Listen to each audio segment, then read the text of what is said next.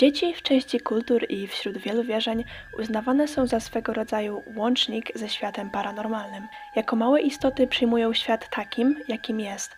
Nie zastanawiają się nad racjonalnością i prawdopodobieństwem widzianych rzeczy.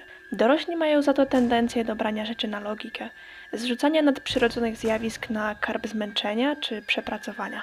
Tego typu sprawy są zwykle niezwykle fascynujące, zastanawiają i zaskakują rozwiązaniami. Jest jednak coś bardziej przerażającego niż nadzwyczajne zdolności dzieci, a są to ich zabawki. Jest wiele znanych i odnotowanych przypadków przedmiotów, które zdały się być tylko niewinnymi zabawkami, a w rzeczywistości kryła się za nimi bardzo mroczna historia. Ja jestem Raven i zapraszam Cię na trzeci odcinek mojego podcastu, po którym nie będziesz mógł zasnąć, gdy przyjdzie pora zasłużonego odpoczynku.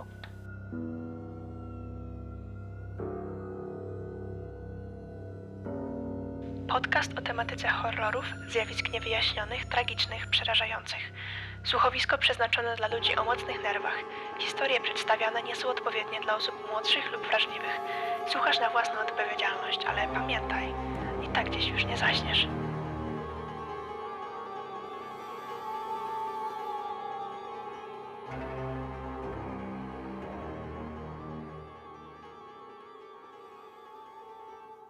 Jedna z najsławniejszych historii związanych z niezwykłymi dziecięcymi przedmiotami jest historia Annabel. Na przestrzeni lat przedmiot zyskał międzynarodową sławę. Na jej temat powstał nawet film. Wielu fanów horroru nie ma jednak pojęcia, że historia wydarzyła się naprawdę nie tak dawno temu. Pomimo tego jednak, że Annabel jest lalką, historia początkowo nie jest powiązana z żadnym dzieckiem. Jest rok 1970. Młoda pielęgniarka Donna otrzymuje od swojej matki nietypowy prezent.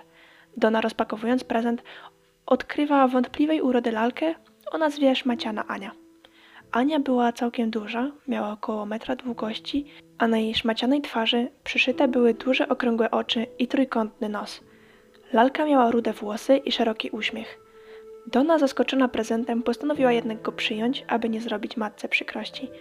Przez duże wymiary studentka miała problem ze znalezieniem odpowiedniego miejsca na nową dekorację. Po kilku nieudanych próbach i zmianach zdania, lalka wylądowała na łóżku. W tym momencie do pokoju weszła współlokatorka Dony, Angie. O mój Boże, co to jest? Angie wchodząc do pokoju zaskoczyła się widokiem dziwnego, patrzącego na nią przedmiotu. Szybko jednak opanowała emocje, dochodząc do wniosku, że rzeczy Dony to nie jej sprawa. Przecież dziewczyna może posiadać co tylko chce. Dni mijały kobietom powolnie na nauce i praktykach pielęgniarskich. Dona w dziwny sposób przywiązana do lalki układała ją codziennie w tej samej charakterystycznej pozycji. Ręce miała rozłożone na boki, a nogi wyciągnięte prosto. Pewnego dnia jednak po powrocie ze szpitala kobieta zauważyła coś dziwnego. Lalka leżała w innej pozycji. Jej kończyny były ułożone inaczej. Zaniepokojona Dona sprawdziła okno, obawiając się przeciągu. Było jednak szczelnie zamknięte. Spytała więc współlokatorki, czy może nie ruszała Ani. Po kilku zapewnieniach Donna była przekonana, że lalka nie została dotknięta przez nikogo i nic. Pomimo obaw postanowiła zignorować sytuację. Następnego ranka, po starannym ułożeniu lalki, wyszła do szpitala. Po powrocie sytuacja z dnia poprzedniego powtórzyła się. Zaniepokojona studentka postanowiła coś sprawdzić. Wychodząc do pracy następnego ranka, ułożyła lalkę w innej pozycji.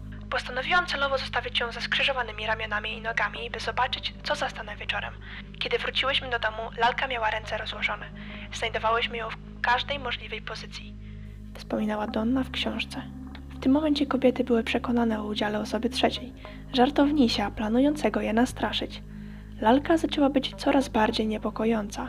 Nie tylko zmieniała pozycję, ale także meble, na jakich leżała, a po jakimś czasie zmieniała również pokoje. Donna i Angie postanowiły więc znaleźć przyczynę dziwnych zjawisk i zestawiły pułapkę. Kobiety położyły na podłodze śliskie dywaniki, które miały wskazywać, czy ktoś poruszał się po pomieszczeniu. Wszystko jednak na nic. Przyjaciółki z przerażeniem odkryły, że pomimo nienaruszenia wcześniej wspomnianych przedmiotów, lalka i tak wędrowała pomiędzy pokojami. Sytuacja zaczęła wymykać się spod kontroli. Możemy tylko wyobrazić sobie przerażenie, jakie wywoływała szmaciana Ania do tej pory. Niepewność wynikająca z przyczyny dziwnych zdarzeń była paraliżująca. W głowach kobiet kołatały się różne myśli. Jeśli Ania zmieniała swoją lokalizację przy pomocy osób, to musiało oznaczać, że ktoś miał klucz do ich apartamentu. Nie mogły więc czuć się bezpiecznie. Z drugiej strony jednak nie mogły odeprzeć uczucia, że lalka może poruszać się samoistnie. Pewnego dnia jednak sytuacja pogorszyła się. Donna i Angie żywo rozmawiały o pracy i życiu prywatnym, na chwilę jakby zapominając o znajdującym się w pobliżu przedmiocie. W pewnym momencie kobiety nagle umilkły. Ku ich przerażeniu lalka zaczęła lewitować. Unosiła się w powietrzu przez kilka sekund, a później spadła z dziwnym hukiem o podłogę.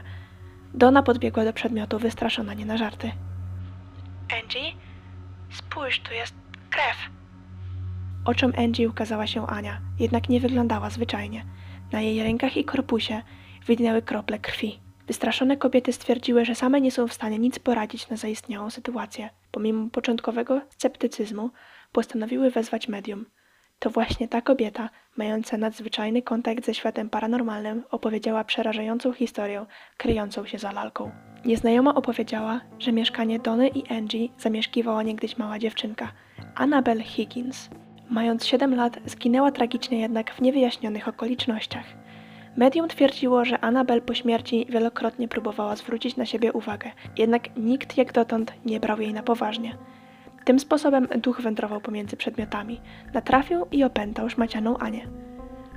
Pojawił się w mieszkaniu z nadzieją na to, że młode kobiety, studentki zrozumieją go, zwrócą na niego uwagę.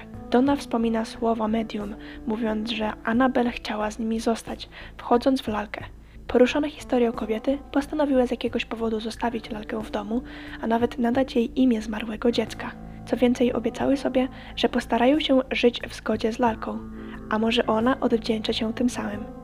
Liczenie na dobrą wolę ducha, który utknął gdzieś pomiędzy wymiarami, nie jest chyba najmądrzejszą decyzją. Opinię taką miał jeden z przyjaciół studentek, Lu. Kazał jak najszybciej pozbyć się przedmiotu, zanim wydarzy się coś złego i komuś stanie się krzywda. Donna jednak nie zamierzała słuchać trafnej podpowiedzi znajomego. Kilka spokojnych dni później trójka przyjaciół spędzała wspólne popołudnie w mieszkaniu. Planowali trasę górskiej wycieczki, rozmawiali i popijali herbatę. Sielankowy moment przerwał głośny hałas. Lu poczuł się w obowiązku, aby sprawdzić, co się wydarzyło. Jego głowę przenikały myśli o włamaniu, a może wypadku gdzieś w pobliżu? Wstał więc i podszedł do drzwi. Było już zupełnie cicho. W pomieszczeniu było jednak zupełnie ciemno.